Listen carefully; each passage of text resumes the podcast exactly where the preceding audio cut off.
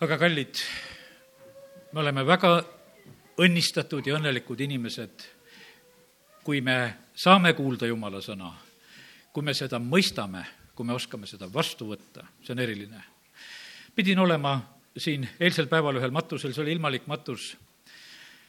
ilmalik Matja tegi kõike ilusasti, tegi oma parima, aga see parim on täiesti tühi seal on mõtisklused, mõtted, mis mitte kuskile ei vii, mitte millestki kinni hakata ei ole. ja, ja tegelikult üsna nõutult pead sellisel hetkel lahkuma. ei ole troosti, ei ole lahendusi, ei ole midagi. aga tegelikult kiitus Jumalale, et Jumal tahab anda meile oma ilmutuse, tahab anda meile kindluse, tahab anda meile aluse, eh, tahab anda meile igavese elu, tahab anda meile teadmised, kiitus Jumalale selle eest. ja, ja tänu Jumalale, et me võime olla täna Jumala kojas. ja, ja see paik ja see koht, kus me oleme tema sõna juures, tegelikult see ehitab meid ülesse. ja, ja ma ütlen, et need, kes me oleme võib-olla aastakümneid olnud juba usus, me oleme harjunud, et see nii on. ja me sattume harva nendesse paikadesse ja kohtadesse, kus, kus toitu ei ole. ja, ja siis, siis on nii imelik tegelikult nagu sellel hetkel ollagi. aga kiitus Jumalale, et täna me oleme valinud selle paiga ja koha, kus me oleme Jumala kojas, ta sõna juures. Johannese evangeelium kolmeteistkümnes peatükk ja kolmekümne esimesest salmist edasi hakkab kõigepealt tänane jutlus. kui nüüd Juudas oli lahkunud, ütles Jeesus, nüüd on inimese poeg kirgastatud ja Jumal on temas kirgastatud. kui Jumal on temas kirgastatud, siis kirgastab Jumal temas ka ennast. ta kirgastab teda just nüüd. see on tegelikult väga eriline hetk Jeesuse elus kui me aru saime. see on see püha õhtu söömaaeg, kus Jeesus on oma jüngritega koos. aga seal on, tuleb see hetk kätte, kus Juudas teeb oma valiku ja otsuse ja ta lahkub ja ta läheb oma tegema. kui nüüd Juudas oli lahkunud, siis Jeesus ütleb, et nüüd on inimese poeg kirgastatud ja Jumal on temast kirgastatud. ja ta räägib sellest aust, mis tegelikult hakkab ilmsiks tulema. kus koha peal tuleb Jeesuse au lõpuni ilmsiks? see tuleb ristil see tuleb lõpuni ilmsiks ristil. seal on tema, kes tegelikult on valmis surema, kannab kogu maailma pattu. ja, ja seal on tegelikult niimoodi, et inimesed on kahe vahel. osad ütlevad niimoodi, et kui ta ristilt alla astuks, et siis oleks mingisugune auline hetk, et näed, surmanuhtluse läinud täide, ta tuli sellest välja ja, ja see oleks olnud imeline. aga kallid, tegelikult see jumala kirgastus ja austamine, mis pidi toimuma, see pidi toimuma selliselt, et ta sureb tegelikult meie kõikide pattude eest, et ta kannab kogu maailma patukoorma. Sellepärast, et ta on seda teinud, sellepärast on tal nimi üle kõige nimede mitte sellepärast, kui ta oleks ristilt astunud alla ja seda ei oleks sündinud, siis tal ei oleks seda nime, aga tema austamise hetk oli väga lähedale jõudnud ja sellepärast ta ütles, et nüüd, nüüd on inimese poeg kirgastatud. jumal on temas kirgastatud.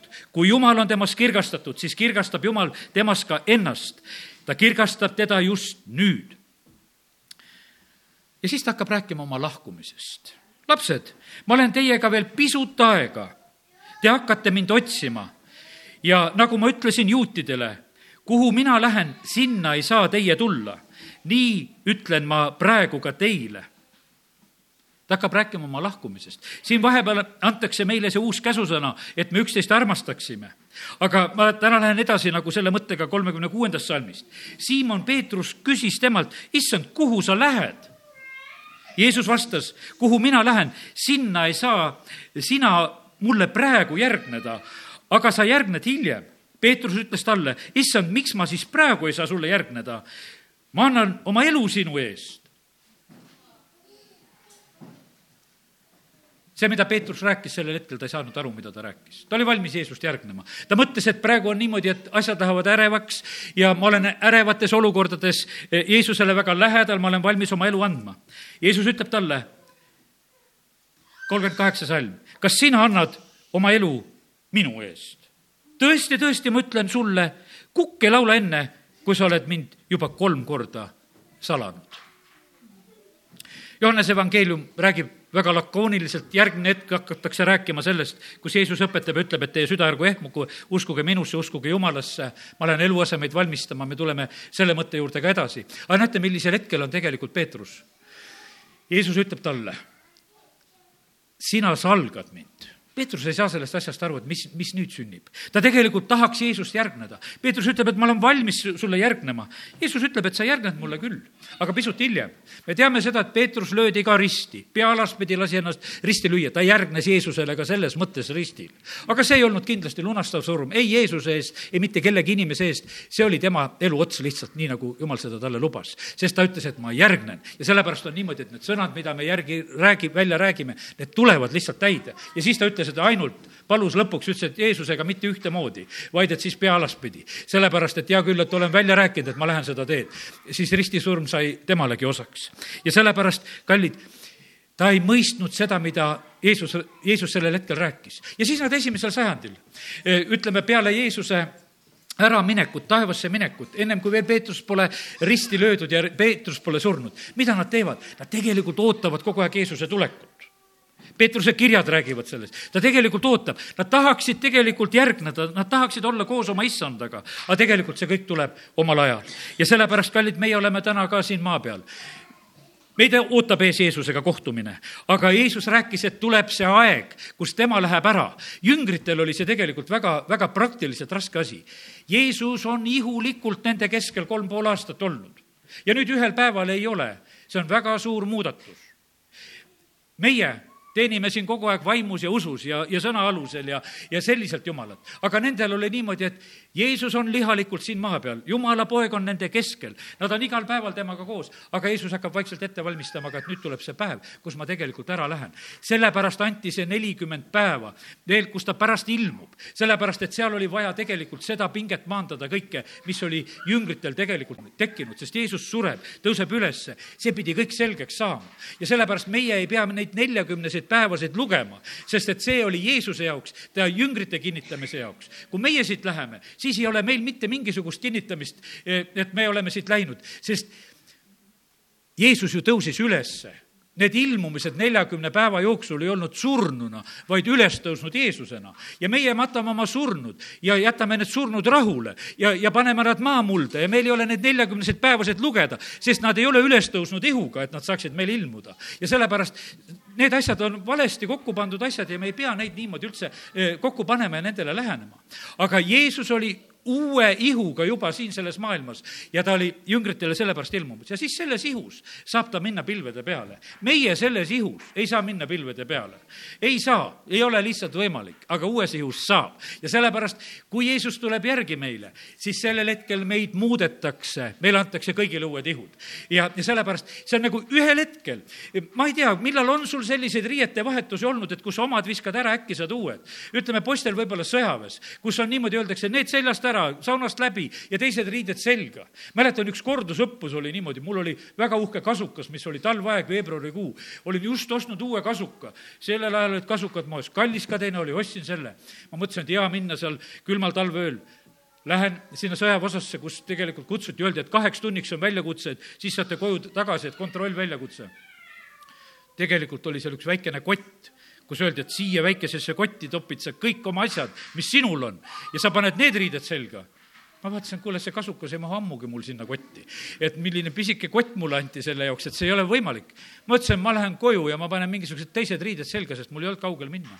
Nad karjusid, ära põgeneb, ära põgeneb, nad olid passi mu käest juba ära võtnud, ma ütlesin, et ei, ei põgene ma kuskile, ma panen õiged riided selga, tulen tagasi. ja käisin ära sealt ja tulin tagasi, mõtlesin, et, et mis te petate inimesi, kui, kui kaheks tunniks, siis kaheks tunniks, aga tegelikult võeti kaheks nädalaks. ja, ja sellepärast seal oli suur vahe vahel ja need asjad pidid vahepeal kuskil hallitama väikses kotis. aga sellepärast kallid, aga see oli selline vahetushetk ja ja see muutus toimub ühtäkki. alati me ei ole nagu selleks valmis, aga ole selleks valmis, et äh, ma usun sedasi, et sulle annab, ülistus annab pisut nagu aimu sellest, et kui sa oled jumala ees kiitmas ja ülistamas, et see muutushetk on niimoodi.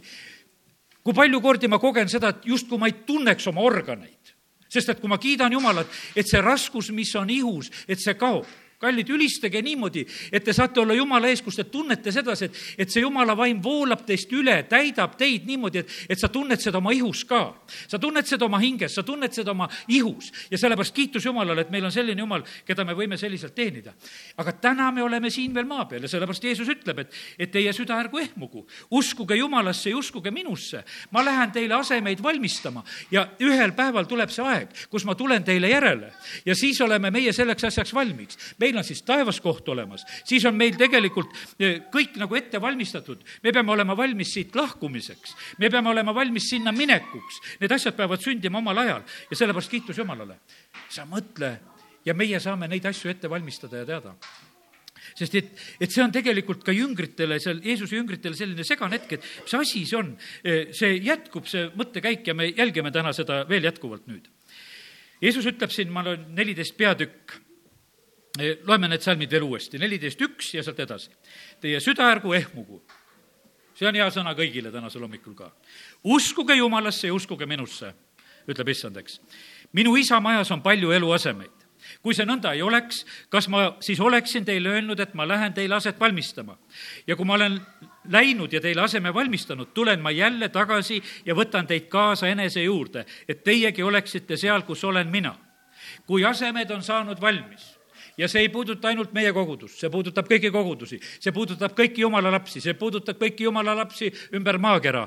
on suured maad, on palju rahvaid, on väga palju asemeid vaja valmistada. on India jaoks palju asemeid, Hiina jaoks palju eluasemeid on valmistada, tohutult palju on valmistada. hiinlased valmistavad meile kõike pudi-padi hästi palju, aga jumal valmistab nendele taevas väga palju kohti. ja sellepärast see on suur valmistaja, nagu Jeesus ütleb, et ma ei saa ennem tulla, kui see asi on valmis. kui asemed on valmis, siis ma tulen siis ma tulen, et, et ei oleks niimoodi, et ei ole oodatud, ei ole valmis. ja sellepärast alati on minna meeldiv nendesse paikadesse ja kohtadesse, kus sinu tulekuks ollakse valmis. vahest me lepime kokku, vahest lepime hotelliga kokku ja siis lähed sinna, öeldakse, et kuule, tuba ei ole veel valmis. siis oled nagu pettunud, mis värk see on, et ei ole valmis. Jeesus ütleb, et mina tulen siis, kui on kõik valmis. ja sellepärast seal me ei saa üldse pettuda, seda muretki ei ole, kui tema tuleb, siis on meie jaoks juba kõik ette mõeldud ja see on valmis. noh, Toomasel on probleemid, ta kuulab seda juttu ja Jeesus ütleb, et, et ja kuhu ma lähen, sinna te teate teed ja Toomasel tekib küsimus, issand, me ei tea, kuhu sa lähed. kuidas me võime teada teed? Jeesus ütleb, mina olen tee, tõde ja elu. ükski ei saa minna isa juurde muidu kui minu kaudu. Jeesuse kaudu tuleb siia maailma arm ja tõde. Jeesuse kaudu tuleb tee, tõde ja elu sellesse maailma. Jeesuse kaudu ei tule siia maailma filosofeerimine et mõtleme nii ja mõtleme naa ja keegi on veel nii mõelnud ja keegi on nii öelnud, vaid Jeesuse kaudu tuleb tõde siia sellesse maailma. Mida aitavad meid igasugused mõttekäigud, mida aitavad meid igasugused ilusad sõnaseadmised, kui ilusasti ka me neid ei seaks, kui me tõde ei teaks. meil on tegelikult vaja seda, et me teame tõde, et me mõistame seda, et me võime sellest kinni hakata. ja sellepärast Jeesus ütles, et mina tulin tõde tooma siia maailma. Ja, ja mina olengi see, ja, ja sellepärast te teate juba seda teed. Te olete mulle järginud juba kolm pool aastat. ma olen teile seda õpetanud. ja kuidas sina, Toomas, veel ütled, et mina ei tea, eh, kuhu sa lähed ja, ja mis asjad hakkavad sündima? Jeesus ütleb siis edasi, kui te oleksite tundnud mind, siis te tunneksite ka mu isa. ja sellepärast tunda Jeesust on niivõrd oluline, tähtis. vähe sul sellest, kui sa lihtsalt ütled Jumal, Jumal, sellest on nii vähe, sa pead Jeesust tundma sa pead Jeesust tundma, nii paljud inimesed ütlevad Jumala ja ei tea, mida nad mõtlevad. mõtlevad nad puud või mõtlevad mis asja iganes nad mõtlevad. vahet sellel on, mida nad sellel hetkel mõtlevad. kui sa Jeesust ei tunne, sa ei tunne Jumalat ja see, see on välistatud, sellepärast et Jumal ei ilmuta sulle siin selles maailmas ennast mitte mingisugusel teisel moel. ta on valinud selle, et ta teeb selle oma poja kaudu. ta on läkitanud oma poja siia sellesse maailma ja sellepärast, et meie võiksime tema kaudu tunda Jumalat, tema kaudu tunda teed, kuidas Jumala juurde saada ja see kõik on Jeesuses ära lahendatud. Jeesus ütleb siis eh, seal edasi, kui te oleksite tundnud mind, siis te tunneksite ka mu isa. nüüd te tunnete teda ja olete teda näinud. Philippus aga ütles, issand, näita meile isa ja me jääme rahule. Jeesus ütles talle, nii kaua aega olen ma teie juures ja sa ei ole mind veel ära tundnud, Philippus. kes mi-, näi-, kes on näinud mind, see on näinud isa. kuidas sa siis ütled, näita meile isa?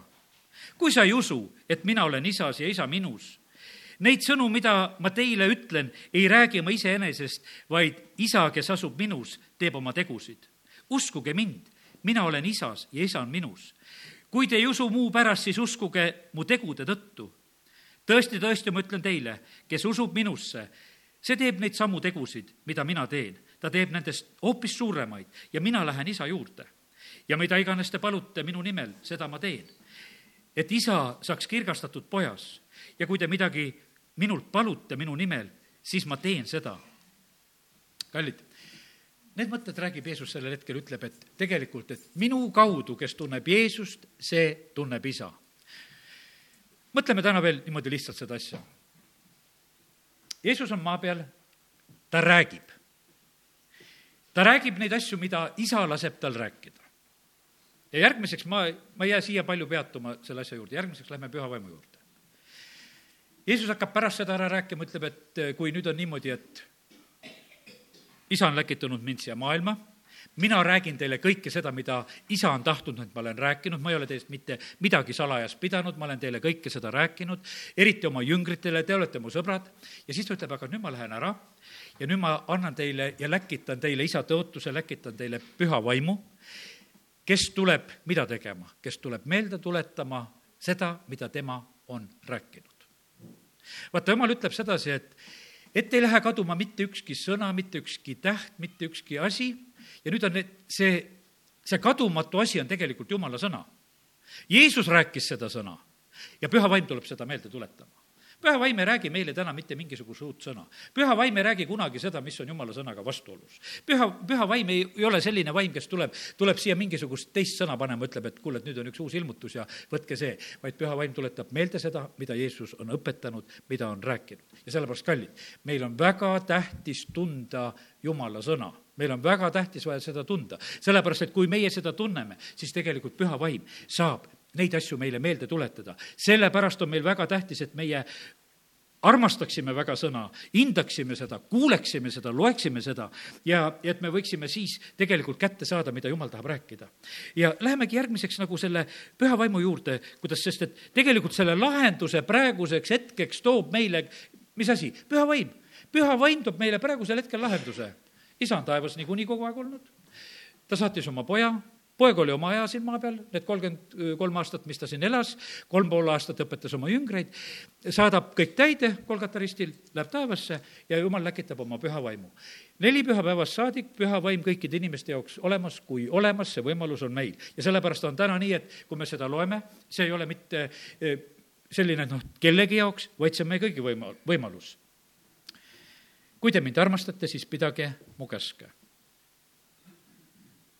Kas on keeruline ütlemine? ei ole keeruline ütlemine. kui te mind armastate, siis pidage mu käske. kas käitud elus selle sõna järgi, mida isa on ilmutanud, mida ka Jeesus on rääkinud, mida Vana-testamendi prohvetid on rääkinud, ilmutanud? kui sa Jumalat armastad, siis sa täidad ta käske. ja ma palun isa ja tema annab teile teise lohutaja, et tema oleks teiega igavesti ja jälle, millise vaimu? ta annab meile tõe vaimu minu jaoks on see kontrast, teie jaoks seda täna ei ole. sellepärast, et oled olnud sellel hetkel, kus sa näed, et ei ole mingisugust tõde, ei ole mingisugust teed, ei ole mitte mingisugust nägemist ja siis mõtled, aga meil on tee, meil on tõde, meil on elu. ja, ja meile antakse tõe vaim, meile antakse püha vaim, keda maailm ei saa vastu võtta, sest ta ei näe ega ei tunne teda ära. ja sellepärast ongi niimoodi, et me võime olla nende inimeste keskel kes ei näe, ei tunne, ei mõista, ei saa mitte midagi aru. meil on selge, me mõistame, isa räägib meile, püha vaim tuletab meile meelde neid asju, mida isa on rääkinud. noh, kiitus Jumalale, millises olukorras oleme meie. ja, ja teised on ümberringi, nad ei näe ega tunne teda ära. Teie tunnete tema ära, sest ta jääb teie juurde ja on teie sees. nii see on iga jumala lapse sees on püha vaim, kes on päästetud saanud. siis on püha vaimu töö aga kui püha vaim on inimese sees, siis ta ongi seal sees ja seda püha vaimu on täpselt nii par-, parasjagu, et ta sai seda päästetud, see on nagu see korda saadetud töö. ja sellepärast me tuleme täna veel hiljem selle juurde, et sellest on vähe, et sa saad päästetud. sa pead saama tegelikult iga päev täidetud püha vaimuga. iga hommik sa pead tegelikult saama püha vaimuga täidetud. sa ei saa elada eel, eilsest püha vaimuga täitmisest, sest sa vahepeal oled unerežiimil. teate, isegi peale neli pühapäeva mõtlesin sedasi, teate, kuidas oli Peetrusega? Ta on vanglas, ta magab, ingel tuleb teda üles ärama, äratama, ta ei saa mitte mõhkugi aru. ta magas lihtsalt. Mõnusat und ta magas lihtsalt mõnusat und. ja ta tegelikult vajas ühel hetkel, et ta saab jälle nagu selle ilmutuse, et kuule, et see värk on ilmsi, see ei olegi unenägu. see, see on tegelikult, jumal on mind päästnud, ta on läkitanud. Ja, ja sellepärast on niimoodi, kallid, igal hommikul selle unerežiimi pealt me peame, ma ei tea, kuidas sa magama lähed, paned päris shutdown'i või kuidas sa teed või paned selle sliibi peale, et, et kergemini äratad üles või kuidas, ütleme, arvutikeeles rääkida.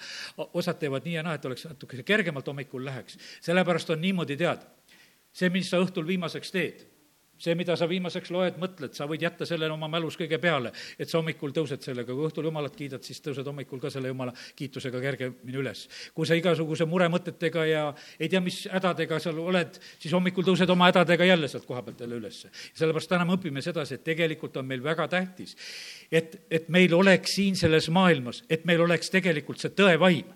et me, et see kontakt oleks nagu kõige tugevam, et see oleks kergesti nagu leitav, kättesaadav. me, me vajame seda, sest et jumala sõna ütleb sedasi, et, et ta ei jäta meid orbudeks. E, ta ei jäta meid tröstita, ta ei jäta meid lohutuseta. ja sellepärast on see niimoodi, et, et see peab olema hommikul kiiresti selge, et see uus päev on jumalast kingitud. ja, ja see, et ma olen üles ärganud, et see on üks puhas jumala arm ja jumal on oma ingli saatnud, et näed, mind vanglastki päästa või et jumalal on uuel päeval mu jaoks lahendus olemas, et jumal on midagi tegemas sest vahest osad ütlevad, ei tea, mul läheb selle ärkamisega nii kaua aega ja mina pean kohvi jooma ja ma ei tea, mis asja pead tegema, et ma ära ärkaksin ja ära arva, et ma olen nii uimane pool päeva tegelikult ja, ja siis ma alles ärkan. kallid, teeme selle otsuse.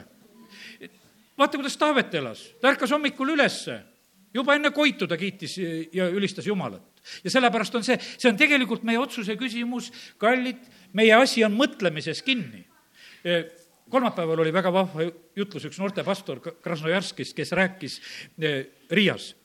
Rääkis eh, maratonijooksust, ta on tegelikult kolmekümne kuue aastane mees, kes läks, eh, tegi otsuse, et ta tahab minna maratonile, nähtavasti see maraton seisab ees. no nelikümmend kaks kilomeetrit joosta, hakkas jooksma seal, esimest korda seal mingi treener või programm, mille järgi ta teeb seda, kolm kilomeetrit ja seal läksid järjest need erinevad kilomeetrid ja seitse ja, ja seal, mis seal oli, seitseteist ja kakskümmend üks ja kuidas see treening läks, ma neid ei oska täpselt ütelda. ja, ja tegelikult oli niimoodi, et ütles, et kakskümmend üks kilomeetrit on kõige raskem. ja, ja tegelikult teate, kus koha peal on kõige suurem plokk, kui teda seal õpetati, öeldi, et su kõige suurem plokk on sul siin, et sa ei suuda, su mõtlemises. Su kõige suurem plokk on su mõtlemises. Ja sellepärast, kallid, kui täna jumala vaim sinu mõtteid ja meeli ei uuenda, siis sa lähed sama targalt tagasi. täpselt sama, sest et siis sul on täpselt need asjad. vaata, need äh, sportlased, kõik, kes hüppavad kõrgust või asja, no kuule, need sentimeetrid, vaatasin, siin olid maailmameistrivõistlused Hiinas, vaatasin kõrgushüpet, vaatasin, kuidas nad hüp-, hüppavad seal. no nad hüppavad üle, tegelikult üle lati, sellepärast et kui, kui see noh, ütleme, number on väiksem, siis hüppad kergemini üle ja sa hüppad kõrgelt üle latil jääb niisugune vahe vahele. aga kui öeldakse, et see number on juba selline, vaata siis tuleb kramp sisse. no nii kõrgest mina ei suuda hüpata tegelikult hüppasid, hüppasid üle sellest kõrgusest kogu aeg. aga sulle öeldi kogu aeg, et see on väi-, väiksem kui nendele sportlastele valetada, ütelda sedasi, et paned seal suurema mõõdu peale ja ütled, et no tegelikult on nii. Nad hüppaksid üle, sellepärast nad, nad usuvad, et nad seda ju suudavad aga kui ütled, et oota, nüüd on nii kõrge, et seda pole mitte keegi ütelnud, see on nüüd maailmarekord, seda pole keegi suutnud, no ega mina ka ei suuda. eks, ja, ja sellepärast asi on mõtlemises kinni. ja kuidas me ennast häälestame ja tegelikult on see ka nii täpselt meil Jumala riigis ja sellepärast tegelikult on üks väga suur osa, mida Jumal peab meiega hakkama saama. me tuleme selle juurde ka, tal on vaja meie mõtlemist muuta, see on, see on üks kõige suurem töö ja osa. aga alguses räägime neid pehmemaid asju, alguses räägime seda, et, et meil oleks rõõmu ja, ja meil oleks lohutust ja meil oleks tröösti ja, sest me tegelikult seda otsime. Jeesus ütleb, et ma läkitan, ma läkitan samasuguse, nii nagu mina ise olin. ma läkitan teile selle teise trööstija, teie tunnete ta ära, ta tahab olla teie juures, tahab olla teie sees. Teie ei ole orvud, ma tulen, olen teie juures. Ja, ja see on kõik meile tegelikult lohutuseks. ja siis Jeesus ütleb, et ja, ja see püha vaim, kes tuleb, kakskümmend kuus salm siitsamast neljateistkümnendast veel, ja lohutaja püha vaim, kelle isa saadab minu nimel, tema õpetab teile kõik, ta tuletab teile meelde kõik, mida ma teile olen öelnud. Pane tähele, ta õpetab teile kõik, ta tuletab teile meelde kõik, et ta ei jäta nagu mitte midagi, et noh, natukese teile, ta ütleb ei, ta tuletab teile meelde kõik no kuidas nad said kirja panna Uut Testamenti pärast? püha vaim oli abiks. ta tuletas meile kõik. see võib olla meile absurd, et no kuidas, aastaid tagasi ja kümned aastad tagasi Jeesus peab jutlusi ja siis hiljem seal kuskil esimese sajandi keskpaigas ja, ja siis hakatakse evangeeliumeid kirjutama.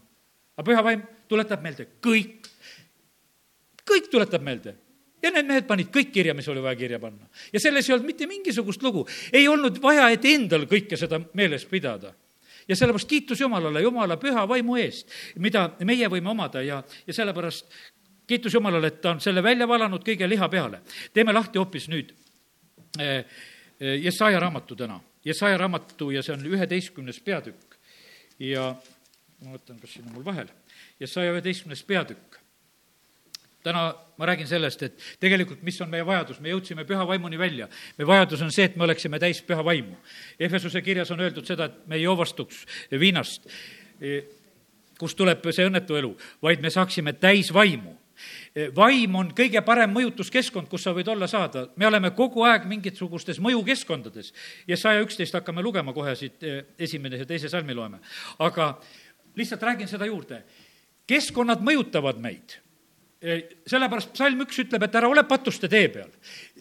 mille pärast ära seal ole? see mõjutab sind, seal on vaimsust, sellepärast ära mine baari, sellepärast ära mine nendele, nendesse kohtadesse, kus jumalatut korraldavad oma pidusid, sellepärast et kui sa lihtsalt sinna vahtima läheb, siis see, siis see mõjutab sind. Jeesus ei läinud kuskile niimoodi, et ma lähen vaatan, et, et äkki te oskate mind tänasel õhtul lõbustada, et mul on väga igav, et ma tulen vaatama, mida te siin teete. ei, ta läks sinna, ta läks mõjuma sinna ta läks kesksena sinna, siis oli tema keskmes. kui sina lähed mingisse maailma pittu, tühja sa seal keskne oled, ihitad seal nurgas kuskil. Ja, ja siis mõtled, et sina seal midagi mõjud, tühja sa ei mõju. Sinu peale mõjutakse, sa kaotad seal palju. Ja sellepärast ära mine ise, ära lase omal lapsi, ole parem nendes paikades, ära seisa, ära käi, ära ole, kuidas see psalm üks ütleb, kõik, kõik mitu varianti, ära istu eh, seal kohas, istu siin. ja sellepärast ära käi valedes kohtades istumas, ära käi kõndimas, ära käi vaatamas. ei ole, ei ole vaja, see ei aita sind. aga kui sul on läkitus sedasi, et sa lähed, ütled sedasi, stopp, pidu kinni, praegusel hetkel ja ma tulen siia kuulutama, siis juba mine. ja, ja sel, sellel on see nagu vahe vahel. ja sellepärast me peame tegema oma valikud, sest et see vaimne maailm mõjub üks vend kunagi ütles, et ta läks ühte linna, noh, ütleme sellises linnas, lihtsalt ühes jutluses Eh, pastor Tissenko tarvitab seda näidet, ta ütleb, et ta sõidab ühte konkreetsesse linna, kus narkoga ärit-, äristati kõvasti ja ütles, et jõuan sinna linna ja tuleb mõte, süstiks kah. äkki tuleb, no ütles, ei ole seda mõtet, aga sa lähed lihtsalt hiljuti me kuulasime neid lugusid, et eh, kuidas see satanist, kes tunnistas, ütles, et mida tema tegid. Nad tegid sedasi, nad läkitasid kurjasid vaimusid nendele noorte pidudele ja kohtadele, homoseksualismi vaimu, nad läkitasid erinevaid vaimusid, eh, narkotsi vaime, värke, kõike seda, et inimesed teeksid seda, et need vaimud meelitaksid neid sellesse sisse. ja sellepärast me elame selles maailmas, kus, kus tegelikult on need halvad vaimsed mõjud nii olemas kui olemas. ja sellepärast me ei pea igal pool kolama, me ei pea igal pool olema ja selle sellepärast jumala sõna ütleb, et me peame saama täis vaimu. ja kui sa oled täis vaimu, siis sinna teisi vaime enam ei mahu, sest et kui miski on täis, siis teistel pole enam ruumi, sellepärast et kõike on täis juba ja sellepärast see ei ole mitte mingisugune sinu lõbu, et kas olla täis või mitte täis. kui sa oled tühi, siis tuleb kurat ja ütleb, ahaa, siin on veel ruumi midagi mul sokutada. ja sellepärast me muudkui tead, ajame neid kurjaseid vaimusid ühest otsast välja ja kui sa täis ei saa, siis need tulevad tagasi, ta ütleb, et kui sa oled tühi, see on pühitud, siin on ju nii hea olla praegusel hetkel. ma tulen tagasi, elan siin ja sellepärast see ei ole mitte mingisugune naljajutt, et sa pead olema täis vaimu. ja kuidas sa saad täis vaimu? Loe jumala sõna, kiida, ülista teda, palveta nii. palveta nii, et sa saad täis vaimu sellepärast, et me võime niimoodi palvetada ka, et me lihtsalt tegime palve hommikul. me lihtsalt lugesime jumala sõna, aga sa ei saanud täis vaimu. ma usun, et sa oled kogenud sedasi, et vahest sa saad, loed jumala sõna nii, et, et sa oled täis vaimu ja teinekord sa lihtsalt lugesid jumala sõna. sa teinekord lihtsalt palvetasid, sest sa oled ju kristlane. ma tegin ju lihtsalt tänasel hommikul selle palve ära, sest keegi ei saa ütelda, et ma ei palunud, äkki keegi veel küsib, et kas sa täna hommikul palvetasid. et mis ma siis ütlen mäletan, ükskord oli niimoodi, et tee oli libe, tulime Tartust piiblikoolist. no libedega ka paluda, et kraavi ei läheks. palusime, meil olid lapsed kaasas, üks laps oli tark, kes ütles, et paluge nii nagu piiblikoolis. mis te siin moka otsast palute? hüüdke Jumala poole. see oli lapse suu, kes pani meid paika, ütles, et mis asja. noh, Jumal, hoia meid siin ka libeda tee peal ja vaikselt läheme. hüüdke nüüd, sest tee on nii libe. Ja siis proovisime hüüda ka. ja sellepärast, kallid, jätame selle enesepetmise, me vajame seda, et me oleme täis. ja sellepärast ma usun sedasi, et, et eh, täna me saame selle ilmutuse praegusel hetkel, et me ei tohi sellega leppida, et me kuidagi oleme poolikud selle koha pealt. aga nüüd, Jesaja üksteist, üks, kaks. aga issand kännust tõuseb võrse ja võsu tema juurest kannab vilja. ja mille pärast ta kannab vilja ja sealt isse käisus, kannust tõuseb ju see, Jeesusest on jutt, eks. Tema peal hingab issanda vaim. tema peal hingab püha vaim ja milline see vaim on, edasi on iseloomustused. tarkuse, arukuse, nõu ja väevaim, issanda tundmise ja kartuse vaim. meil on püha vaimuga omad kogemused. meil on püha vaimuga võib-olla kogemused nagu elektriga. tead, kui sa elektrit näpuga katsud, katsud, tead, hammustab, säristab mis iganes, kogemata, olen ise ka pistnud kogemata kuskile lambipesasse käe, ei ole teadnud, et seal on vool sees või mõnda, kunagi ühed vanad juhtmed, kus rippusid, mõtlesin, ah, need on niisama ära tõmmata, kui tõmbasin, vaatasin, kuule, see säriseb hirmsasti peos, kõik see värk, mis ma võtan. ja ja need on kogemused, meil võivad olla pühast vaimust samasugused kogemused, et kuskil oli mingisugune tunne ja kuskil oli kõdi ja kuskil oli sipelgas ja kuskil oli kuumus ja kuskil oli miskid, et meil on need tunded. aga täna me loeme siit äh, prohvet Jesaja, kui ta räägib, ütleb, et, et Iisai kännust tõuseb see, kes kannab vilja, tema juures tõuseb see võsu. ja tema peal hingab is-, issanda vaim. tema peal on jumala vaim ja tegelikult, mis seal on, siis esimene asi on tarkus mis tuleb ilmsiks. ja sellepärast on see niimoodi, et me vahest mõtleme sedasi, et kui me saaksime püha vaimu kogemuse kätte, et selles oleks mingisugune tunne. ma ei keela tundeid, las neid tundeid olla, las olla, sest et me juba, ma ütlesin, ma pehmema poole rääkisin täna ära, et need trööstimised ja rõõmud ja, ja naerud ja nutt läheb ära ja võib-olla nutad ka ja mis iganes, vaata, see on kõik omal kohal, sest Jeesus nägi, et jüngritega on noh, selline lugu, et nad vajavad tegelikult, et mina lähen ära ja neid on vaja lohutada. Neid on lausa nagu vaja ümbert kinni võtta, neid on vaja kallistada, nendel on vaja neid embusi asju aga tuleme nüüd selle vägevama poole juurde, mis, millest tegelikult sõna räägib. ta ütleb, et sõna ütleb siin niimoodi, et kui issanda vaim hingab Jeesuse peal, siis selle kaudu tuleb tarkus. meil on ka vaja tarkust.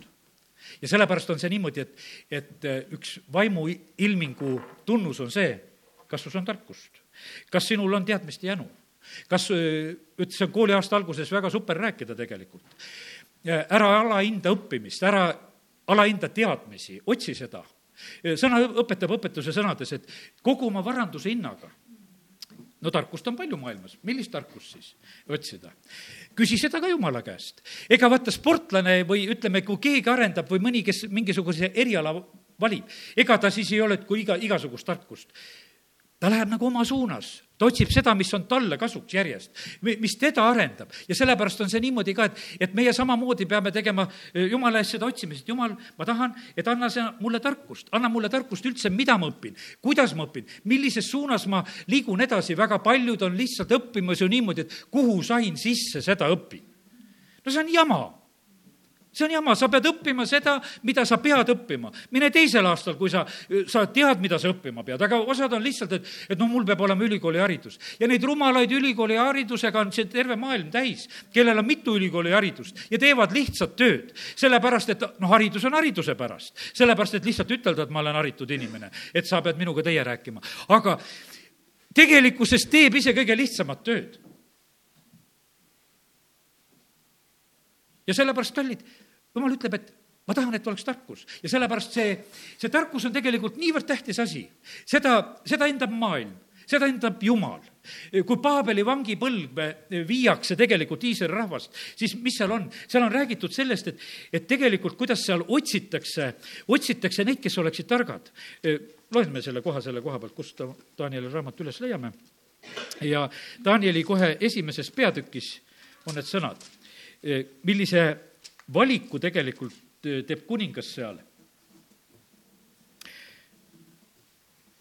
ja kuningas käskis Aspenast, ülemteenrit, see on kolmas salm, et ta tooks Iisraeli lastest nii hästi kuninglikust soost kui suursuguste hulgast noori mehi, kellel ei oleks ühtegi kehalist viga kes oleksid ilusa välimusega, kes oleksid taibukad kõigis tea-, teadustes, targad, arusaajad, kes oleksid teeni-, kõlblikud teenima kuninga kojas. ja ke-, neile pidi õpetatama kald ja kirja ja keelt. ja kuningas määras neile igapäevase osa kuninglikust roast ja veinist, mida ta ise jõi. nõnda pidi neid kasvatatama kolm, kolm aastat. ja selle järel siis võiksid nad astuda kuningateenistusse. tarku oli vaja ja sellepärast on niimoodi, et, et jumal tegelikult hindab ka meis väga seda, et meis oleks teadmisi. ja me ei tohi neid mitte sugugi alahinnata. ja sellepärast olgu see nii, et, et olgu meil ka, kui me saame täis püha vaimu, et see tegelikult tooks meisse selle jänu tarkuse järele, et me otsiksime. Saalomon palub, kui ta saab kuningaks, ta palub tarkust.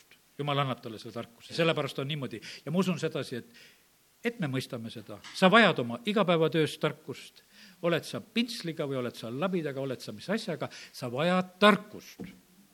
sa vajad tarkust, sa vajad tarkust ja sellepärast on niimoodi, et, et kui me täna räägime jumala vaimust, see ei ole mitte mingisugune koguduses lihtsalt tunne, vaid see tuleb välja siis, kui sa oled tegelikult oma igapäevaelu keskel. kas, kas jumal on andnud sulle tarkust ja sellepärast on nii, et täna olgu see nõnda, et, et palume, et jumal, võib-olla me oleme alanenud tarkust, sest me oleme sõnast ju kuulnud seda salmi ka ja olen ise ka lugenud, et ära toetu enese mõistusele. osad inimesed on niimoodi, nad on nii targad ja nendel ei ole jumalat vaja. aga kallid, jumal ei ole tarkuse vastu tema käes on kõik tarkuse tunnetuse haarded. ja sellepärast on see niimoodi, et jumal on sellise tarkuse vastu, kus inimene ütleb, et ma olen tark, mu jumal, mul sind vaja ei ole, ma olen nii tark. vaata, selle vastu on jumal ja kui sa toetud oma enese mõistusele, aga kui sa tuled Jumala ette, et Jumal, ma palun sinu käest tarkust. jah, ma olen valmis õppima, ma olen valmis vaeva nägema, ma olen valmis eh, otsima seda tarkust, ma olen kõike seda valmis tegema. ma olen valmis su sõna õppima, sellepärast et tegelikult see sõna, Jumala sõna teeb meid targaks. see aitab tasakaalustada kõiki neid maailma asju, mis on ümberringi, paika panna ja sellepärast esimene asi, mis on, kui issanda vaim on meie peal, mida prohvet Jesaja siin nimetab ja ütleb, siis on niimoodi, et meile antakse tarkust. ja, ja tegelikult see järgmine asi, mis siin on öeldud, on arukus. ja see teine asi on arukus ja vaata nüüd niimoodi, tarkust võib olla. ja nagu ütlesin, et neid harituid on, aga siis on arukust vaja, kuidas sa neid rakendad. ja selleks on tegelikult sul vaja lihtsaid juhendajaid sul on vaja juhti, kellele sa järgned. ma ütlen, et samamoodi käisin koolis, õppisin oma tisleri ametit, mööblitööstuse tehnoloog, aga tegelikult targaks tegid mind lihtsad mehed, minu brigadiir, kes oli Hiiumaalt pärit, kes tegelikult oskas mulle, et vaata, nii teritad peitli ära, nii teritad öövli ära, eh, niimoodi teritad vikati ära, nii teed selle, nii teed teise, igasugu asju ta mulle õpetas. ja, ja tegelikult, kui ta näitas mulle neid asju ette, siis ma tegelikult õppisin ja ma ei ole neid unustanud siit saadik. ma tean sedasi, kuidas ma saan ööbli lõikama nii, et, et ma lükkan pika lauaserva pealt, nii et see laast ei katke. kuidas ma selle ööbli niimoodi ära häälestan, seda mulle koolis ei osatud õpetada. aga seal oskas üks juhendaja, kellel oli oma see kogemus, ta õpetas mind ära. ja sellepärast me vajame sedasi, et meil oleks, oleksid juhid. me põlgame, me põlgame tegelikult juhte, me põlgame tegelikult, aga tegelikult on vaja, palvegruppides on juhid, kellele alistuda. koguduses on juhid, kellele alistuda, sest et tegelikult see on, see on üks targaks saamise teekoht. ja sellepärast me vahest mõtleme, et oh, mul on püha vaim ja mul on jumala sõna ja ma olen igavesti tark, ei ole arukas inimene laseb ennast õpetada. E, väga erinevalt on niimoodi, vaatad vahest, e, kuidas inimesed käituvad. kui õpetatakse, mõni on nii, et ta kõik võtab, mida õpetatakse. just niisugust, just praktilist osa ma räägin sedasi. ta on arukas, ta teine, ah, ma tean, ma tean. ja siis läheb asja kallale, aga kuidas seda tehakse aga ennem just räägiti, kuidas tehakse. aga sa ei pannud seda tähele, sa mõtlesid, ma ise tean ja sellepärast järgmine arukuse asi on see, et sa tegelikult, sa vajad tegelikult seda, et, et sul oleksid need, kellele sa saaksid järgneda. ja sellepärast tegelikult vaata, mis on Jeesusel. tal on jüngrid, mitte kõige andekamad. hiljem nuriseti ka, kuidas need kirja tundmata mehed oskavad üldse rääkida ja jutlustada, mis kamp see niisugune on, mingisugused kalurid ja, ja kes sinna on kokku tulnud ja rahalugejad. nüüd aga mis juhtus, tegelikult Jeesus õpetas neid praktiliselt, sellepärast et need paremad ja helgemad pead käisid Jeesust kiusamas. Need, kes olid seal sünagoogis, vaadati, sul on hea pea, sa õpid ja loed hästi, vaata, sina lähed, õpid variseriks, sina lähed, õpid kirjatundjaks, sina lähed sedasi. aga noh, Peetrus, sina mine kalale ja Johannes ja Jakobus ja kaduge kalale ära, tead, teil see pea hästi ei võta, tead, ja sellepärast minge sinna. aga Jeesus läheb, võtab, ütleb, need, ma õpetan teile ja sellepärast Jeesus, kui ta Johannese evangeeliumis räägib seal, ütleb, et ma olen teile tegelikult kõik asjad rääkinud. Te teate, kuhu ma lähen. No me nägime, et ega see Peetrus sellel hetkel ka veel päris ei mõistnud, mis see jutt oli. hiljem ta hakkas mõistma seda kõike ja, ja sellepärast, kallid, aga see õpetamise pool tuli praktiliselt Apostel Paulus oli ise see variser, tema oli tegelikult hästi õppinud mees ja jumal tarvitas teda ka. aga ta Korintuse kirja alguses kirjutab, ütleb, et jumal võtab need, kes on maailma meelest tühised. aga ta tahab maailmale kätte näidata nende kaudu ja sellepärast, kallid, jumal on jumal ja sellepärast tehke kindlaks oma kutsumine ja valik. ja me saame minna selle tee peal edasi ja see on meile tegelikult suureks õnnistuseks ja sellepärast on nii, et kui sa täna lased oma ajusid praegusel hetkel nagu neid mõõtmeid laiali rohkem tõmmata. kui sa teed mingisuguseid muudatusi, teate, me elame täpselt nendes piirides, mis sa oled oma mõistuses piirideks pannud. sa ostad poest täpselt neid asju, mis sa oma mõistuses oled piiridesse pannud. sa ei vaata sinnapoolegi, sest sa ütled, et see pole minu piirides. minu piirides on need, kus on kollased ja punased sildid ja sellepärast mina olen selle peale häälestanud, ma käin neid pidi. ja, ja tegelikult on niimoodi, vahest on selle valge sildi peal, vaata ringi, on hoopis odavam asi müüa. ja, ja, ja sa oled petetud, sellepärast et nad teavad, et osad on need kollast ja punast punast usku, et ta tuleb poodi, see peab olema. ja vahest vaatad, valge sildi peal on hoopis odavam aga noh, ma olen ju see kollase ja punase usku, ma pean selle ostma. et ma, ma ei saa teisiti, eks. ja, ja sellepärast ära ole petetud, tõmba maha, ütled, ma, ütled, jumal, ava mu silmad, sest et poest püütakse sind niikuinii kogu aeg petta. äris nad on hästi õppinud oi, seda tegema, head asjad kuskile kõrgele ja peitu, et see korraga peale ei juhtuks. sellepärast, et see, mida nad tahavad müüa, nad seda müüvad ju sulle. ja, ja sellepärast, aga sina mine sinna, ütled, et jumal, tee mu silmad lahti, et ma leiaksin seda, mida mina tahan. ja, ja mis on hea ja ava mind nägema õigeid asju. ja sellepärast, kallid, me, Jumal on Jumal ja, ja sellepärast me vajame tegelikult, me oleme täna Jumala kojas. Apostel Paulus kirjutab Rooma kirjas meeleuuendus see ei ole mingisugune sõnakõlks ja kui sa ei lase, sest et need neli asja, mida me siin loeme, näed, eks, see tarkus ja arukus, see puudutab meie mõistust. järgmine asi on nõuandmine. kas sa oled üldse valmis kelle käest nõu võtma või sa oled niisugune isetegija, et kuule, et ma tean ise kõike? Nõuvaim kelle jaoks siis seda nõuvaimu Jeesuse peal oli vaja? sellepärast, et nõu anda. mille pärast ta annab koguduse juhtidele selle, et kellelegi nõu anda? sellepärast, et inimesed võiksid seda võtta. ja sellepärast meil on olemas nõuandja, meil on lahendused olemas, me võime küsida ja sellepärast kiitus Jumalale, et Jumal on selle kõik seadnud. ja jälle, kus kohta see nõuandmine peab jõudma? nõuandmine on jälle me mõistuse jaoks eks. tarkust antakse mõistuse jaoks, arukust antakse meile mõistuse jaoks, nõuanne on meile mõistuse jaoks, jumal tegeleb millega, kui ta oma vaimu välja valab, me kõige rohkem, mõistusega. Sellepärast, et seal on kõige suuremad kõrgistused, seal on kõige suuremad takistused, seal tuleb programm ära muuta, sellepärast et kui seda programmi ära ei muuda, kõik toimub vanamoodi. ja sellepärast on niimoodi, et jumal tegeleb väga, väga selle asjaga. ja siis kui siit vaadata, üks asi on veel, mis tegeleb meie, meie mõistusega veel, issanda tundmise vaim et me võiksime Jumalat tunda, see on kõik mõistusega. aga kallid, kuidas meie paneme? Jumal, anna väge noh, siin on kirjutatud ka tarkus, arukus, nõu ja siis alles vägi. Kui sul on tarkust, arukust ja head nõuandeid, siis jumal saab anda sulle väe. ja meie loeme sealt Apostlitegude raamatust.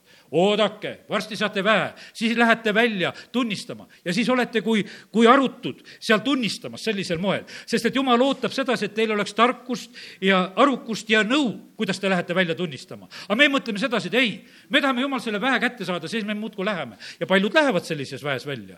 ja tegelikult sellega ei tule mitte midagi, sa peletad osa inimesi hoopis ära. ja, ja sellepärast on kallid, jumal ütleb, et ma tahaksin saada kõigepealt selle, et teil oleks korras. Jeesus oli oma jüngreid õpetanud kolm pool aastat. Ja sellepärast ta nendele ütleb, et teie nüüd ootate. Teie nüüd ootate, te olete kolm pool aastat, ma olen teid treeninud. ja kui nüüd püha vaim tuleb ka, kui ma selle väe ka veel taha lasen, siis te peate tegelikult oskama, sest te olete õppinud ja nüüd ma annan teile tegelikult päriselt jõu kätte. ma annan päriselt selle jõu kätte. vahepeal ta andis osaliselt selle jõu kätte, ütles, ma läkitan teid välja, natuke tagasi, oo tead, kurjad vaimud alistused, igavene vägev tead. Jeesus ütleb, kuule, ah, tundke rõõmu, et nimed taevas kirjas on aga et ühel päeval ma annan teile selle väe, et te saate astuda vaenlase väe peale. ja Peetrus on hoopis teistsugune mees siin. siin ta oli valmis surema ja siin ta oli kõike valmis tegema. ei ta siis räägi midagi. enam neid asju et see oli Jeruusalemmas esimeses jutluses, et ma olen valmis surema. ei, ta ei, sellest enam ei räägi tühjagi. sest et jumala vaim paneb teisi asju rääkima. ja siis tuleb üks hea jutlus, mida ta räägib. ja teate, millega me veel tegeleme kõvasti? me tahame ju kõik kangesti pühad olla. sest jumalale see meeldib. jumal on püha ja olge teie pühad. see on õige kõik. aga pane tähele, mis siin on. issanda tundmise vaim ja viimane asi on issanda kartuse vaim neli asja on mõistusele. võiks ütelda siit. tarkus, arukus, nõu ja tundmine. üks asi on pühadusele ja üks asi on jõuks. tõuseme ja oleme palves. taevane isa, me täname sind selle tänase hommiku eest ka ja tänu sulle, Jumal, et me oleme võinud olla sinu sõna juures kui on kooliaasta algus, on pühapäevakooli aasta algus, siis jumal, me tahame paluda, et see tooks tarkust. See tooks tarkust, Jumal, et me oskaksime otsida, taotleksime seda, Jumal, me täname sind, et me võime seda sinu käest paluda. Jumal, me palume sinu käest ka arukust, me palume, et, et meil igalühel võiks olla neid juhtisid, keda me järgneme, need, kelle all me oleme, kes on need meie mentorid, keda me võime usaldada, isa, me täname sind, et me ei hülgaks seda, seda nii, nagu sina, Jeesus, õpetasid oma jüngreid. Ja sellepärast, Jumal, me palume, et see uus sügis võiks olla koguduses, kus me saame ka inimesi õpetada, kes just järgnevad õpetusele. isa, me täname, kiidame, ülistame sind. me täname sind, Jumal, et sa oled hea, et sa oled täna seda rääkinud. ja isa, me täname sind, et sinu käest tulevad nõuanded, Jumal, kiituse tänu sulle, aga me täname sind, Jumal, väe eest, mis sa annad meile sa oled andnud meile väe astuda kõige vaenlase väe peale. aga täna me palume, Jumal, et aita meid panna neid asju tasakaalu meie eludes. et meil oleks tarkust, tarkust, et meil oleks nõuande võtmist ja et sa, Jumal, saaksid usaldada meile oma, oma väge, et me saaksime seda tarvitada. ja isa, ma samuti palun seda, et äh, meie kart-, äh, meie keskel oleks ja meie, meis igas ühes oleks, Jumal, sinu kartus. nii, nagu me oleme seda ka lugenud issanda kartuse vaim. Jumal, et meie elud oleksid pühad, et me teeksime vahet heal ja kurjal, valed asjad paneksime kõrvale, et me väljendaksime, Jumal, oma armastust sulle sellega, et me peame su käsku, me teeme selle järgi. isa, kiitus ja tänu ja ülistus sulle selle sõna eest. ma palun, Jumal, praegusel hetkel Jeesuse vere kaitset meie kõikide mõistuste üle, ma palun seda, et meie mõistustes toimuksid muudatused, ma tänan sind, Jumal, et seal on kindlasti meil kõigil tohutult vaba ruumi ja potentsiaali, kus me võiksime laieneda ja jumal, me ei ole mõelnudki seda, et me tänasel hommikul peaksime neid oma mõistuseid siin kuskil laiendama. me mõtlesime, et me tuleme, teenime, ülistame sind, sina aitad meid, me saame mingi hea kogemuse, hea osaduse tunde, aga isa, me palume praegusel hetkel, et, et, et see asi võiks olla palju avaram selle tõttu e, meie mõistuses, sest sina, Jumal, oled tõmmanud seal asjad laiemini. me oleme andnud, Jumal, sulle rohkem võimalusi. Jumal, et, et me oleksime siin selles elus, Jumal, sinu meetodite moodi tarvitatavad ja kasutatavad. jumal, aita meid, aita meid areneda selles, nii nagu seal Daniel ja tema sõbrad, kes pidid olema tegelikult, need olid targad mehed, aga neid ikka õpetati veel. Nad pidid kolm aastat õppima, et kuidas, kuidas olla, et nad siis kõlbaksid kuningateenistusse. ja sellepärast, Jumal, ma palun sedasi, et valmista sina neid juhte, me palume siin ikka seda, et tõsta nad ülesse, need targad juhid meie maal ka, need seitse ja kaheksa, kes juhivad maa õnnistuste sisse. ja Jumal, me täname sind, et me võime uskuda, et nad on täis vaimu, vaimu. Eh, nad on täis arukust, tarkust, nendel on hea nõuanne, nendel on vägi ja, ja nendel on ka pühadus. jumal, me palume, et need omadused võiksid olla, aga me palume seda iseendale ka tänasel hommikul. isa, kiitus ja tänu sulle Jeesuse nimel. amin.